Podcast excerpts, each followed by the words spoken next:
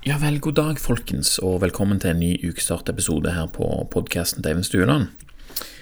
Eh, som jeg har sagt tidligere, så håper jeg at disse episodene her kan bidra til at du har noe å tenke på i løpet av uka, noe du kan lete etter eller få bekreftelse på eller kjenne igjen, sånn at du sakte, men sikkert kan finne ut hvordan du kan eh, nytte disse tingene her til ditt eget beste. Sant? Jeg vet at eh, man, Jeg snakker ikke for min egen del, men jeg vet at mange har mandagen som en litt sånn treig dag. Litt sånn ah, Det er litt kjipt, sant? du har hatt helg, skal du begynne igjen? At det er greit å ha noe i bakhodet å lete etter eller å se etter. Eh, sånn at det blir litt mer aktivt, på en måte. Og i dag er det dødtid eh, jeg skal snakke litt om. Altså Dødtid det er ikke dødtid for ingenting. For å si det sånn, hva kan vi gjøre for å bytte ut dødtid til noe bedre? Og hva skjer når vi gjør det? Når jeg legger meg om kvelden, så skriver jeg ned tre gode ting som har skjedd i løpet av dagen. Og det gjør jeg i Five Minutes Journal. Det hjelper meg å sette pris på hva jeg har oppnådd, og, jeg, eh, og jeg får bekreftelse på at jeg gjør små ting som er i tråd med hvor jeg vil hen i det lange løpet. Når jeg er ferdig med disse tre punktene, så er det ett spørsmål igjen. Siste spørsmålet er hvordan kunne jeg gjort dagen i dag bedre? Og I starten så syns jeg denne setningen her var med på å ødelegge noe av den gode følelsen jeg nettopp hadde gitt meg sjøl med å liksom gå gjennom de tingene som jeg var fornøyd med. Og jeg tenkte liksom mine ting om hvordan dette henger sammen, blant annet at eh, kanskje de som lagde appen, ikke visste helt hva de holdt på med. Sant? Men sånn er det jo med oss mennesker. Vi rasjonaliserer jo alt i forhold til hva vi sjøl syns, og hvordan vi sjøl oppfatter oss. Nei, hvordan vi sjøl oppfatter ting. Spesielt om vi opplever noe som kritikk. sant? Og, eh, men uansett, hvis det var noe åpenbart jeg tenkte på, så skrev jeg det ned. Men det hendte òg at jeg lot være å skrive noe på det punktet. Litt, grann i, litt grann i protest, faktisk. Andre ganger kunne jeg skrive ingenting sant, hvis jeg var veldig fornøyd da, og ikke ville ha liksom, noe negativt på slutten av dagen.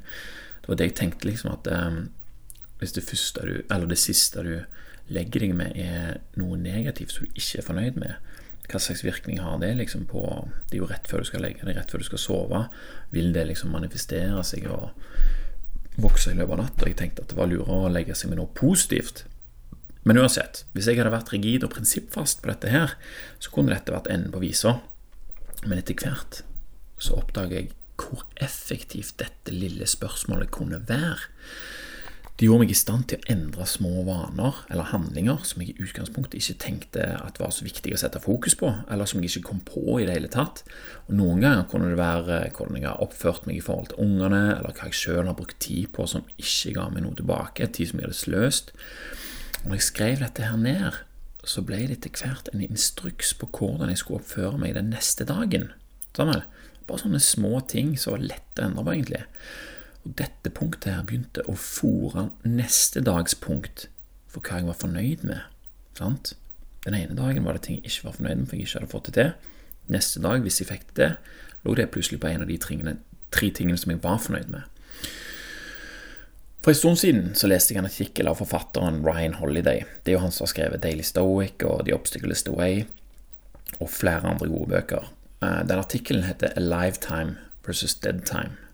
Ryan Holiday han har jobba for Mastery-forfatteren Robert Green. Mastery, den boka som vi snakket om for noen episoder siden. Og I denne artikkelen beskriver Ryan Holiday hvordan det beste rådet han har fått av Robert Green, har formet måten han tenker og oppfører seg på. Det er opp til oss sjøl om vi vil at tiden vår skal være død eller levende. Sjøl om det kan virke aldri så fjernt å tenke på at det du holder på med, som virker hjernedødt, kan bli givende. Har du en jobb som for deg ikke gir noen mening, er det da noe, eh, er det noe du må gjøre i løpet av arbeidsdagen din som virker meningsløst og helt uten potensial til å gjøre noe positivt for deg? Stemmer det at det er sånn? Er det virkelig helt uten potensial? Robert Green han begynte å skrive bøker i 40-årene og har skrevet fem klassiske bøker som mest sannsynlig vil leve videre lenge etter han er død. Men tiden før han skrev disse bøkene, de var jo ikke meningsløse eller fulle av dødtid.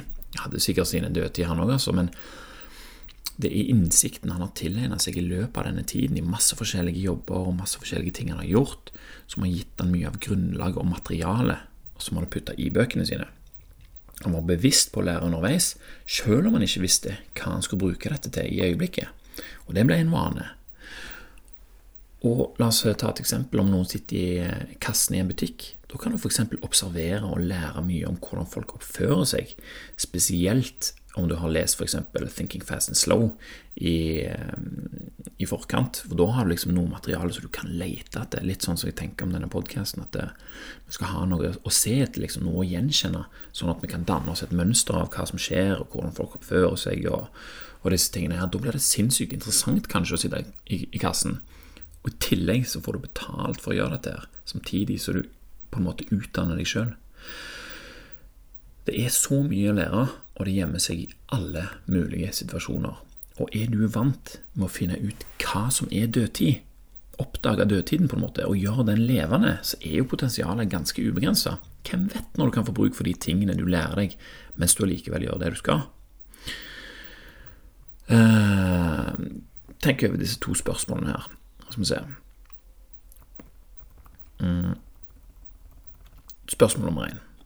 Hvor god tid har vi generelt? Spørsmål nummer to. Gleder vi oss til å dø? Svaret her er jo gjerne at eh, vi opplever at vi har god tid. Og det fører jo til at vi, vi ikke er så bekymra for å sløse med den tida vi har. Sant? Men vi gleder oss jo heller ikke til å dø. Er ikke det litt grann motsigende? Vi gleder oss ikke til å dø, men vi tar ikke fem flate øre for å drive med noe tidsfordriv som ikke har noen mening i det hele tatt, utenom det at det faktisk er tidsfordriv. Om vi er på en plass eller i en situasjon som ikke vil være, så prøver vi å få tiden til å gå mellom det øyeblikket vi kjeder oss, og det som skal skje i nær eller fjern framtid, som ikke er så meningsløst. Samtidig som vi gjør dette, så beveger vi oss jo nærmere vår egen død, enten det er lenge eller kort til. Hvis vi begynner å tenke på denne måten her, kan det hjelpe oss å benytte det som er meningsløs tidsbruk, til å være noe som gir deg noe meningsfullt. Og Jeg vet ikke helt det, altså. Det finnes jo mange eksempler både i den ene og den andre retningen. Og Jeg kan jo ikke gå ut ifra hvordan andre folk tenker, men eh, jeg kan ta et eget eksempel, i alle fall. Eh, I min jobb som samlever, som det heter, så er det en del tid som i utgangspunktet kan virke som død. Altså i alle fall er potensialet til å sløse vekk tid absolutt til stede. Vi sitter i et hus og venter på at vi skal ut senere, eller at vi skal spise, eller at vi skal legge oss, eller at vi skal hjem igjen. TV-en den står som regel på nyhetskanalen og er et alternativ til å fylle dette tomrommet. Og til tross for at for det første liker jeg jo ikke å følge med på nyheter, og til tross for at nyhetssakene er de samme hele dagen, og de stort sett ikke har noen ting med meg å gjøre, så har han likevel en utrolig evne til å fange oppmerksomheten og holde på han, spesielt når alternativene er så få. Og telefonen den er også til stede med sitt utømmelige innhold, beredt til å motkjempe følelsen av kjedsomhet i sånne situasjoner. Sant? Den er jo designa for å gi deg det du vil ha, eller rettere sagt det du tror du vil ha, det hjernen din vil ha, eller egentlig det hjernen din responderer bra på. Sant vel? Men du vet jo, hvis vi hører på Thinking Fast and Slow-episoden, hvordan system 1 og system 2 fungerer. Den oppfører seg sånn som system 1, eller den responderer på eh, på system 1-handlingene dine. sant? Men selv om jeg sitter der med telefonen og fyrer gjennom og ser på nyhetskanalen, så gir han jo ikke oss noe som vi har bruk for. Har jeg råd til å bruke denne tiden på dette her? Marcus Aurelius sa at livet kan være over akkurat nå. La det fastslå hva du gjør, hva du sier, og hva du tenker. Det fins andre alternativer som gir bedre utbytte.